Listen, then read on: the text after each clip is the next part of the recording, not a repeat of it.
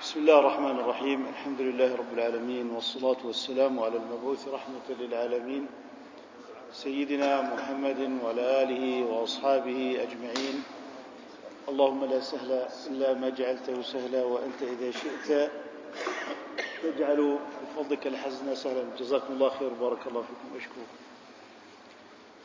كنا قد تحدثنا في المرة السابقة عن أنواع الحكم. وقلنا هناك الحكم العقلي كقولنا لكل فعل فاعل. هذا الكون فعل اذا له فاعل. هذه قاعدة عقلية قطعية. لا فعل بلا فاعل. فهذا الكون يدل دلالة قاطعة على خالقه. ومنكر ذلك هو منكر لقطعيات العقل وهو معاندة للحقائق. ويصبح الإنسان في هذه الحالة في حالة تغول الهوى على الحقائق. هذا بالنسبة للحكم العقلي الذي بيناه في المرة الماضية وضربنا عليه مثالا بالرياضيات. أيضا الرياضيات هي الأساس النظري لجميع العلوم التجريبية. يعني لا فيزياء ولا كيمياء بلا رياضيات. والرياضيات قائمة على القطعيات العقلية أصلا. وهذه فطر ركزها الله تعالى في الإنسان. وهذا هو العقل الذي خاطبه الله تعالى في القرآن الكريم. فالقرآن الكريم لم يخاطب عقلا خاصا. يعني لك عقل خاص يختلف عن أولادك يختلف عن جارك يختلف عن زوجتك. واضح؟ لكن مع اختلاف هذه العقول لو وجهنا لها أسئلة في الرياضيات واحد زائد أربعة الكل مجمعون على أنها تساوي خمسة. فلذلك ليس العقل المخاطب في القرآن الكريم هو عقل له قناعة خاصة. بل خاطب الله تعالى العقل المشترك بين البشر وهذا هو العقل المشترك الذي يدل على رب العالمين. يعني ما لا نستطيع أن نقول إن إنكار وجود الله عز وجل هو عقل خاص أو هو عقل أصلا. لأن هذا العقل مؤمن أصلا بأن لكل فعل فاعل فكما أنه يجد بناء إذا لابد أن يكون هناك من بنى. وجد مقتولا لابد أن يكون هناك من قتل. وجد مصنوعا لابد أن يكون هناك من صنع. وجد كونا بهذا التعقيد وبهذا الدق وبهذه الدقة وبهذا النظام قطعيا هناك من خلق. لذلك القرآن الكريم لم يخاطب الأمزجة الخاصة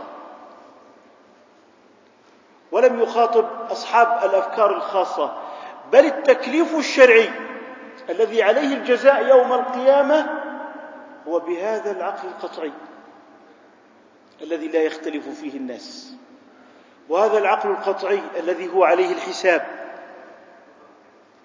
هذا هو الحكم العقلي الذي كنا قد تكلمنا عنه وتكلمنا عن الحكم العادي الذي يعرف بالتجربة والعادة مثل الإدارة. إنسان يفتتح شركة يبدأها بعدة إدارات ثم يحصر هذه الإدارات ثم يزيد من الأقسام ثم يقلل من الفروع وهكذا إلى أن تستقر الأمور. فيبقى العقل يعني له مسرح طويل وبعيد في هذا المجال. وقلنا إن مثالا على ذلك كقوانين السير. الناس يعلمون هذا الشارع ضيق لابد أن يكون باتجاه واحد. ونجعل شوارع أخرى بالاتجاه الآخر. هذا إذا سمح منه المرور عند ذلك سيؤدي إلى الضيق على الناس. هذا يعرفه المسلم والكافر ولا يختلفان فيه. الجامعات مجلس أمناء رئيس جامعة مرتبط بإدارات وفروع هذا الشيء البشرية تستطيع أن تصل فيه إلى نتائج مثمرة ومفيدة وصالحة. أن نصنع المسجد له ساحة وله يعني أسوار وله كذا. هذا لم يأمرنا به الشرع. لكن يعني هذا يعني هو ما يستطيع الإنسان أن يحسنه بالعادة. هذا الحكم العادي.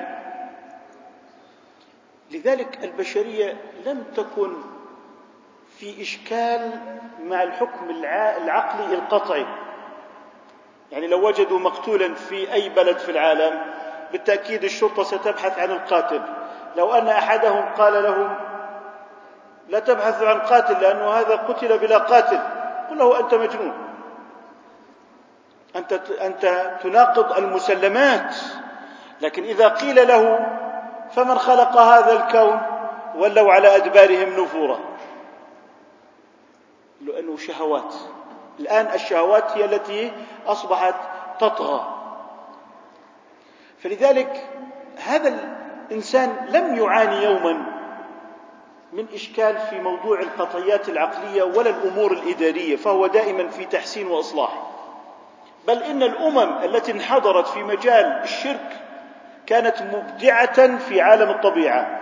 كالفراعنه أبدعوا في الطب وأبدعوا في البناء والأهرامات كانوا مبدعين ولكنهم عبدوا رجلا واتخذوه الها من دون الله. فهم لم يضلوا في الصناعة والبشرية اليوم لم تضل في الصناعة ولم تضل في التقنية.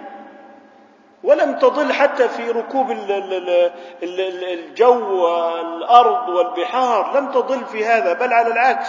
البشرية على مر التاريخ كانت مبدعة في مجال الطبيعيات والذين بنوا الحدائق المعلقة كانوا مبدعين في الطبيعيات وقوم عيسى كانوا مبدعين في الطب.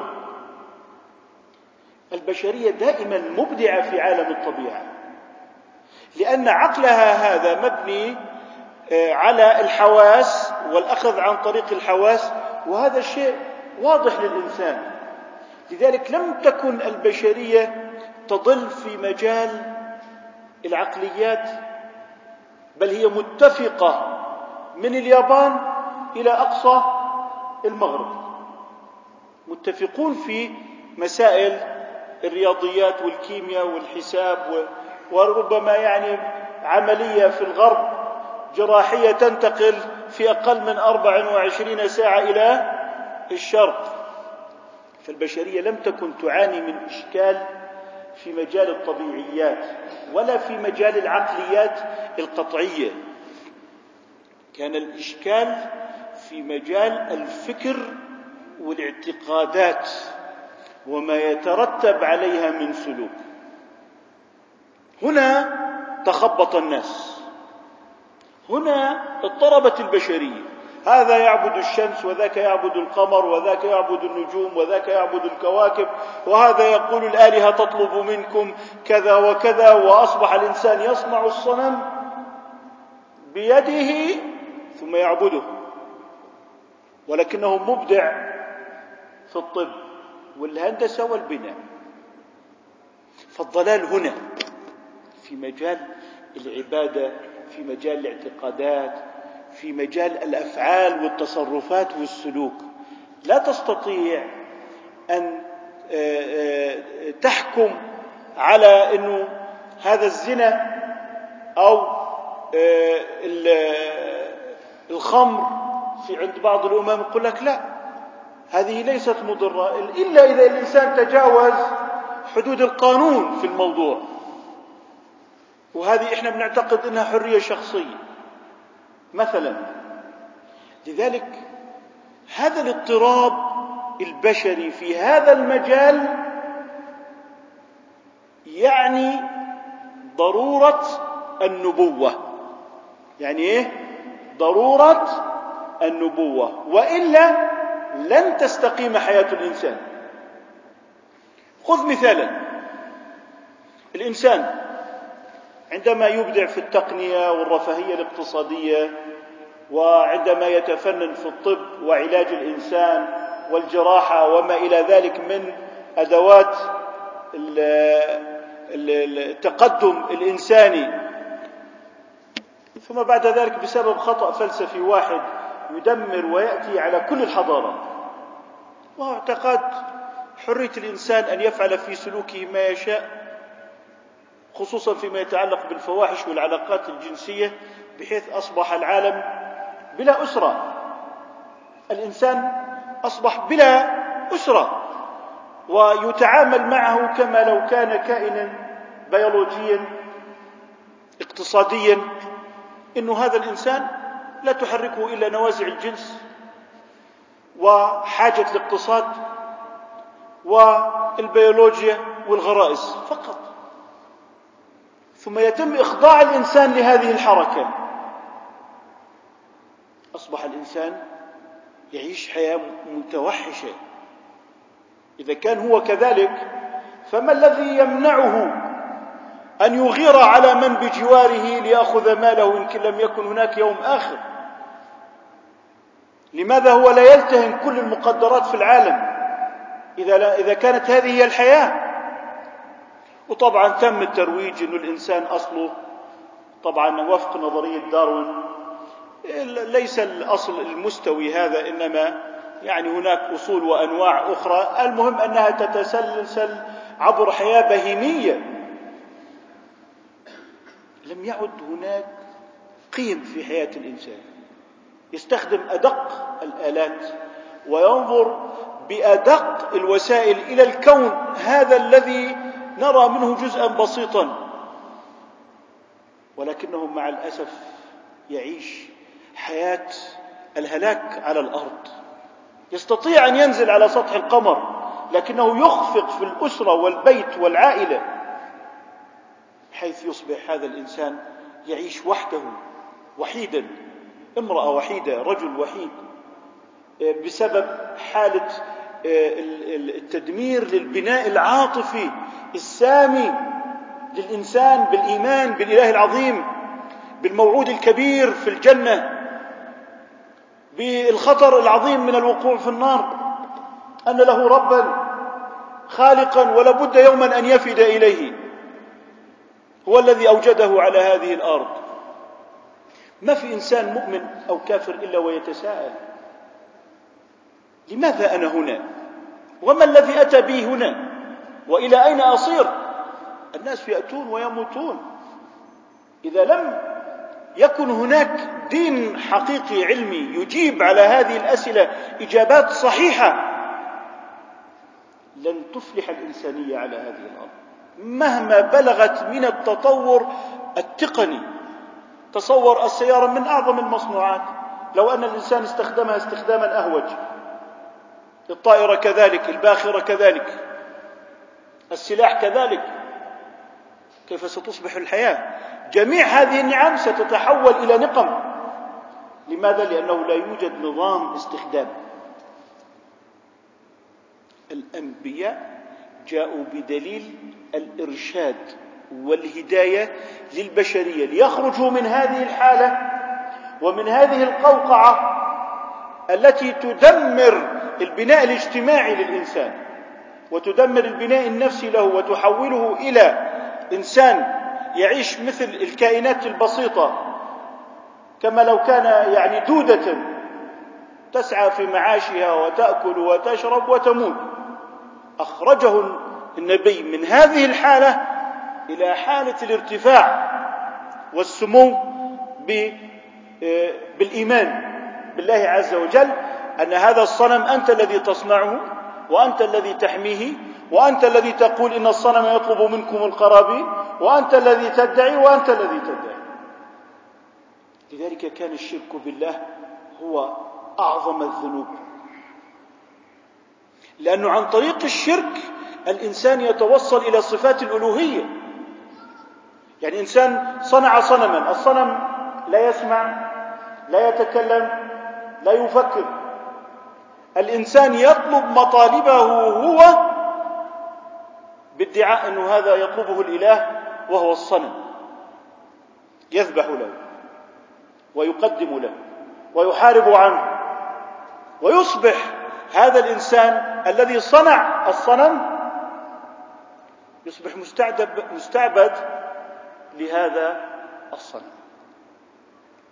إذا أصبح الإنسان يشرع يضع الأحكام باسم الصنم وأن هذا الصنم هو الذي أمرنا بكذا ما جعل الله من بحيرة ولا سائبة ولا وصيلة ولا ولا حامل ولكن الذين كفروا يفترون على الله الكذب. انظروا إلى ضرر الشرك كم هو مؤلم للإنسان. طبعا هؤلاء لهم إله يطلب والقبيلة التي بجوارهم لها إله يطلب طلبات أخرى.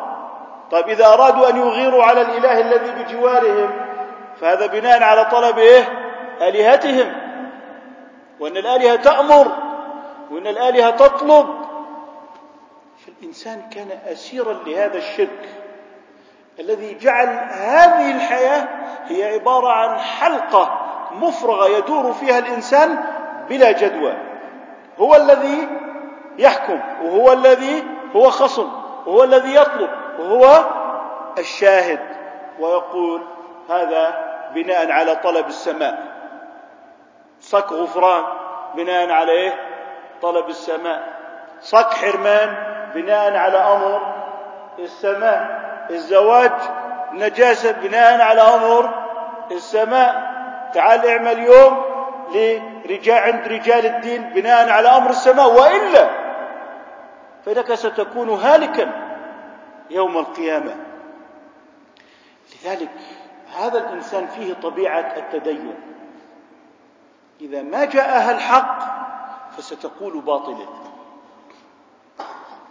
من هنا نجد أن الدين الحق ضرورة. والدين الباطل هو سبب هلاك الإنسانية سبب إتلاف البشرية في أموالها في تاريخها في كل ما هو يعني عزيز عليها. لذلك نحن يعني في هذه الحلقات نريد أن نركز العمق المعرفي للإسلام. يعني لن لن يكون الحديث هو وجدانيا وعاطفيا مع أن الحديث الوجداني مهم اللي هو الوعظ الإرشاد التخويف من الله سبحانه وتعالى. ولكننا لابد أن نركز المعرفة الدينية حتى لا نقع في الشبهات حتى لا نقع في الشبهات. الآن يطرح علينا السؤال هذا الحكم حلال؟ هذا الحكم حرام. هذا جائز هذا مندوب طيب هذه أقوال فقهاء. أقوال علماء أقوال ناس. هل هي معصومة؟ طيب إذا كانت غير معصومة إذن هي كلام الناس لا تهمنا. ما بتهمناش. لاحظ إما أن يضعك أنه إما هو معصوم وبالتالي يصبح التقليد أعمى. وإما هو كلام الناس انسى. اعمل على قناعتك الخاصة والشخصية. هذان الطرفان هما طرفا الغلو والتحلل. والدين ليس هذا وليس ذاك. لا هو يقول بأن أقوال الفقهاء هي أقوال مقدسة معصومة بدليل أن الرسول صلى الله عليه وسلم قال للمجتهد المصيب أجران وللمجتهد المخطئ أجر واحد.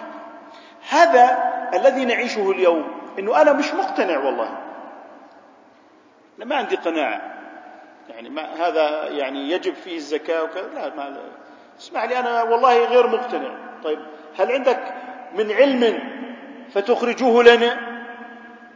ما في. طب ما الذي تطرحه؟ هو رأي شخصي هو رأي شخصي طيب استفتي قلبك. إلها محل في الشريعة صح؟ استفتي قلبك يعني دار الفتوى بين الحرام والورع خذ بالورع. لكن استفتي قلبك قلبك ليس من مصادر التشريع وكلما يعني عنا لك أمر استفتي قلبك. يعني أنا قالوا لي الربا حرام. لكن والله محتاج واستفتيت قلبي فقال لي خذ. استفتي قلبك. لاحظوا إنه هاي الحالة بتجعل من النفس الإنسانية متعالية مغالية مترفعة على الحكم الشرعي. وهذه خطيرة جدا. ما السبب؟ لأنه في عندنا إشكال في المعرفة لما هو الحكم الشرعي أصلا. وكيف نقول إن هذا الحكم شرعي؟ لا يوجد في الدين رجال أو في الإسلام رجال دين هؤلاء يقولون من عند أنفسهم وقولهم يعتبر دينا لا. لذلك الحكم الشرعي لابد أن نعرف كيف نعرف هذا الحكم الشرعي حتى إذا قيل لنا هذا هو الحكم هذه المعرفة المسبقة بكيفية تلقي الحكم الشرعي قادرة على أن تخفف من حدة وغلواء النفس وتغولها على الحكم الشرعي. لاحظ الحكم الشرعي لما تقول هذا حرام انتهاء الجميع. يعني المجتمع كله منتهي. هاي رشوة يا أخي هاي ليست هدية. هذه اسمها رشوة هذا اسمه فساد. لا ما هو أنا مظلوم أنا ما أعطوني حقي أنا ما أعطوني راتبي. أنا يعني لابد أنا أولادي مثل أولاد الناس بدهم يعيشوا أيضا. لاحظ أنه هو أصبح عنده مرجعية خاصة. لاحظ أنه صار عنده تدين خاص. تدين قطاع خاص. يعني هذا له تدين قناعات. وهذا له تدين قناعات معينة. وكل واحد طبعا له تدين خاص وهو عبارة عن قناعات خاصة. لكن يلفق كلاما من الدين قصص من السيرة. فمن اضطر غير باغ ولا عاد. المجتمع هكذا. المغفرة والرحمة واسعة فيصبح الإنسان يلتقط أقوالا من هنا وهناك تخدم رغباته الشخصية. ويصبح هذا الإنسان تابع للهوى. تابع ليه؟ للهوى. هذا الهوى إله سري مخفي مختبئ في حنايا القلب. وربما لا يعرفه صاحبه. فرأيت من اتخذ إلهه هواه وأضله الله على علم. فهو عنده الدين عبارة عن رغبات. حتى في يوم من الأيام بحب يصوم ستة شوال مثلا. لكن إذا قيل له الربا حرام امتقع وجهه. مع أن الربا من الكبائر. من أكبر الكبائر إعلان حرب على الله ورسوله فيبقى يأكل الربا. لكن بصمت. ما انتظر فتوى شاذة وتعلن بإباحة الربا؟ العلماء. أنا لم آتي بشيء من عندي. هذا كلام العلماء. أتنكر فلان أنه من العلماء؟ فلذلك هذا الإنسان يصبح يلفق أقوالا من هنا آراء من هناك إلى آخره ولكن في الحقيقة هو متبع لهوى خاص في النفس. وهذا الهوى الخاص مع الأسف الشديد أمره صعب. الإنسان إذا وقع في الشبهة المعرفية من السهل أن تجلى له المعرفة وهو يريد الحق ومجتهد في طلبه وهذا الإنسان يريد الخير. فما أن تنكشف حجب الشبهة من أمامه إلا وتراه منطلقا إلى الحقيقة ولو كانت مكلفة من ماله والتوبة والرجوع والإنابة والدموع. أما هذاك صعب أمره صعب لأنه لا تنفع فيه الحجج ولا تنفع فيه الأدلة لأنه يعاني من حالة تغول تغول للهوى الذي أصبح يأكل دينه ويلتهمه شيئا فشيئا. فالإنسان فيه طبع التدين فيه هذا الطبع وفيه الرغبة في التدين. لكن المشكلة لما يصبح التدين تابع للهوى. لما يصبح التدين إيه؟ تابع للهوى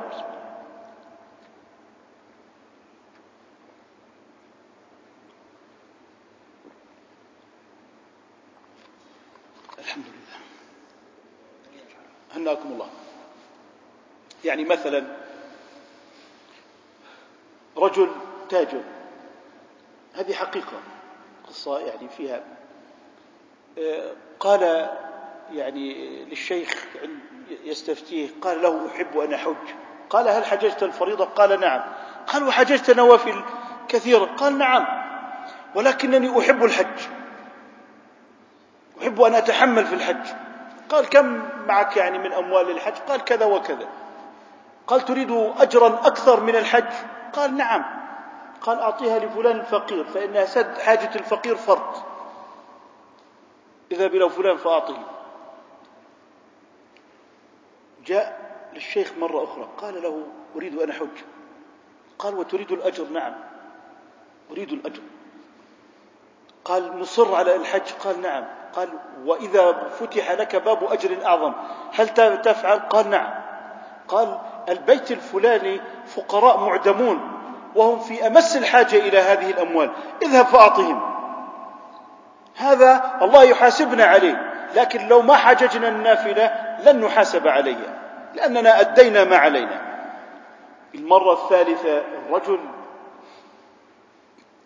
يا شيخ والله أحب أن أحج والله حاب أني أشوف الكعبة. قالوا يعني خلاص أنت مصر قال نعم.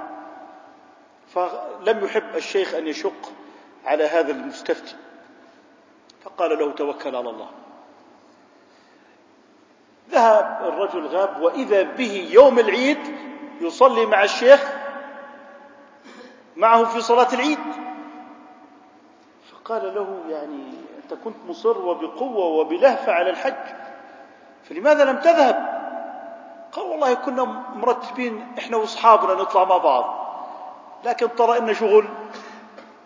وهم يعني كنا حابينها رحلة وصحبة يعني. طب والكعبة؟ طب والأجر؟ فأحيانا الإنسان بصير عنده رغبات حتى في الدين. حتى في الدين يصبح عنده رغبة. في أناس يفتح لهم باب من أبواب العبادة كالصلاة والصوم. لكن في الأموال صعبين. لذلك التدين يظهر عند الدينار والدرهم. تدين يظهر يظهر هناك. وقد قيل مرة لمحمد بن الحسن الشيباني تلميذ أبي حنيفة رحمه الله قيل له يعني يعني لم تؤلف لنا كتابا في الورع. الورع. قال ألفت كتابا في البيوع. ألفت كتابا في البيوع فمن أراد أن يتقي الله فليتقه هناك عند الدرهم وعند الدينار. عند المواعيد عند المواعيد.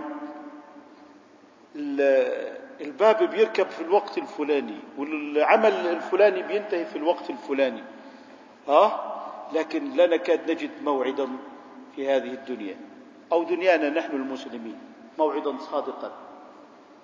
فلذلك الدين والعبادة جاء ليخرج ليخرج الناس من داعية الهوى.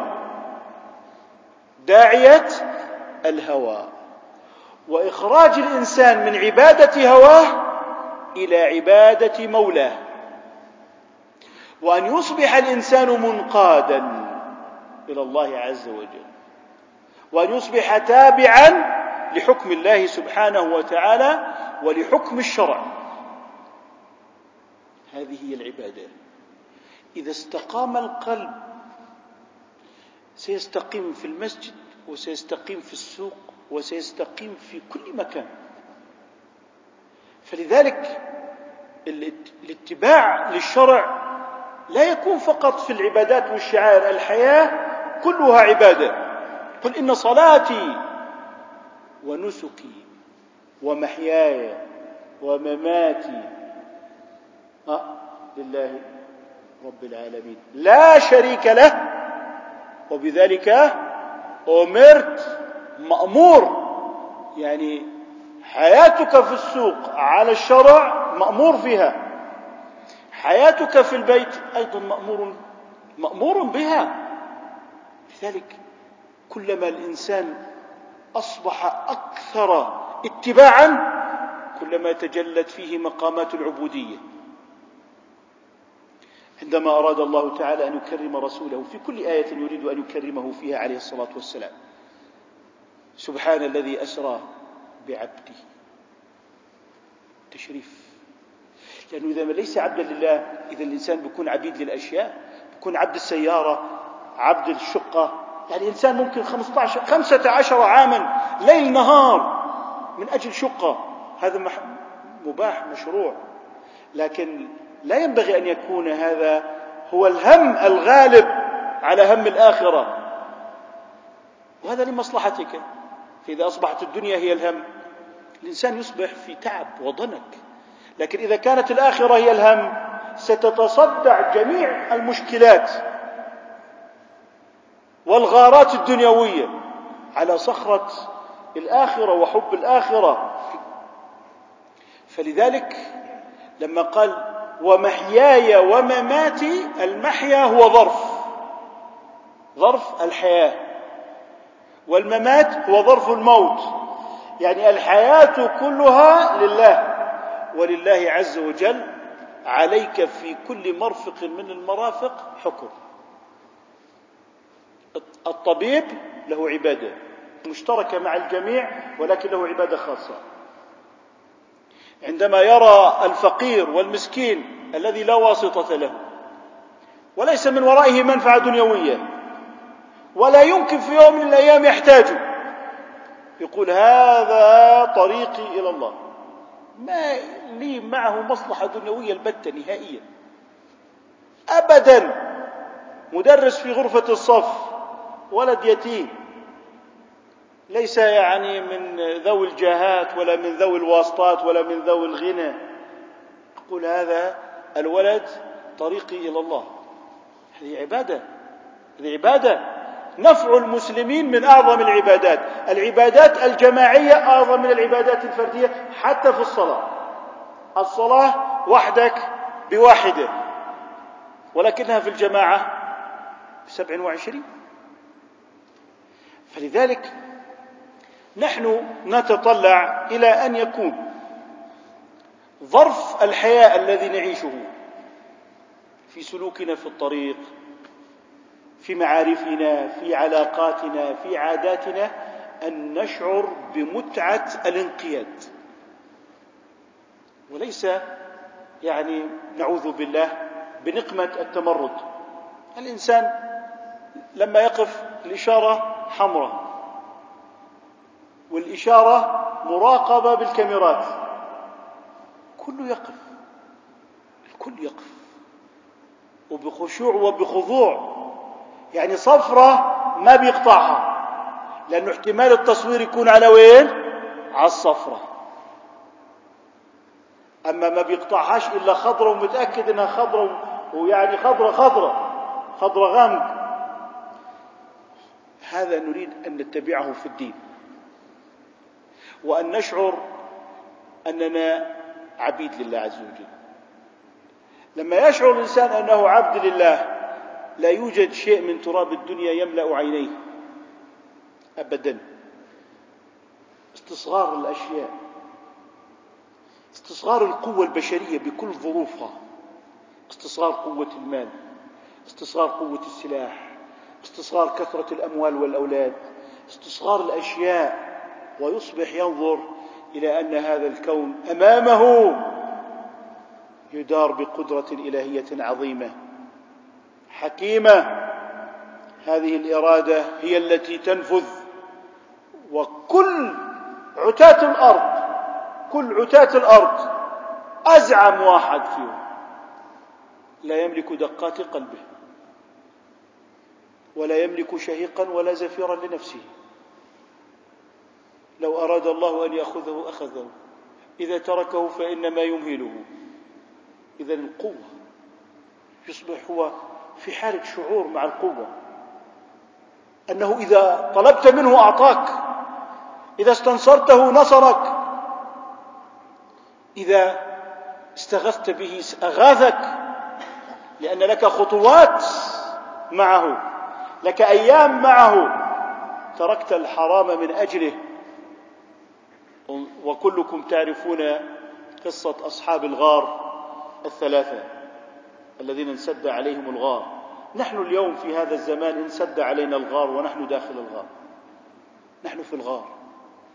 فمن أراد أن يكتب شعرا للصخرة أن تتحرك. من أراد أن يتكلم بخطبة منبرية من أراد يعني أن يخاطب الجمادات لن تحل المشكلة.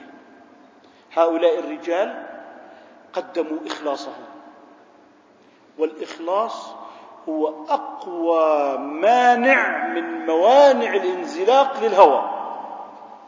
لذلك الإخلاص ستكون لنا معه وقفة كيف يكبح جماح هذه الشهوات وينظمها لهذه ينظم هذه النفس لتسلك على سبيل النجاة إلى الله سبحانه وتعالى. فلذلك أحببنا أن نتحدث بهذه المقدمة القصيرة التي يعني ستكون مقدمة للحديث عن الحكم الشرعي وقد كنت هيأت نفسي أن أتكلم عن الحكم الشرعي ولكن قدر الله سبحانه وتعالى أن نتحدث عن أوليات ما قبل الحكم الشرعي وهو تهيئة النفس للتلقي. كيف يكون هذا الإنسان لديه الاستعداد؟ يا رب ها أنا ذا. إذا طلبت من مالي خذ. طلبت وقتي خذ. طلبت نفسي خذ. أنا هنا عبد وأنت المالك وأنا المملوك. ولنا الشرف في ذلك.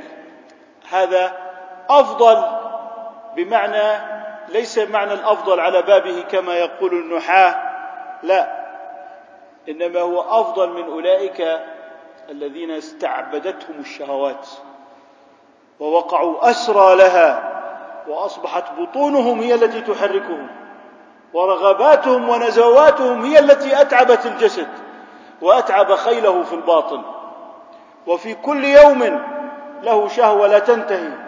حتى أصبح يعني في غل ورق للشهوات. وما أكثرهم المتفننون في الحديث عن الحرية ولكن حريتهم هي ليست أكثر من رق الشهوة ونوع جديد من أنواع الرق من رق الشهوات. نسأل الله سبحانه وتعالى أن يطهر قلوبنا. وأن يرزقنا الإخلاص في القول والنية والعمل وأعتذر منكم آه، على هذا الدرس الذي سأختصره اليوم آه، لدي يعني مشوار طارئ. ولكن حقيقة ما أحببت أن أفرط في هذه الجلسة المباركة التي نجلس فيها ونتذاكر فيها أمر آخرتنا وديننا وسلوكنا إلى الله سبحانه وتعالى في السائرين الكثيرين من عباد الله الصالحين. على رأسهم آه، أئمة الهدى من الأنبياء الذين قص الله تعالى علينا أخبارهم في كتابه فنحن الذين نقتدي بهم. وكما قال سبحانه وتعالى لرسوله صلى الله عليه وسلم عن سيرة الأنبياء السابقين أولئك الذين هداهم الله فبهداهم فبهداهم مقتده. سبحانك اللهم وبحمدك نشهد أن لا إله إلا أنت نستغفرك ونتوب إليك.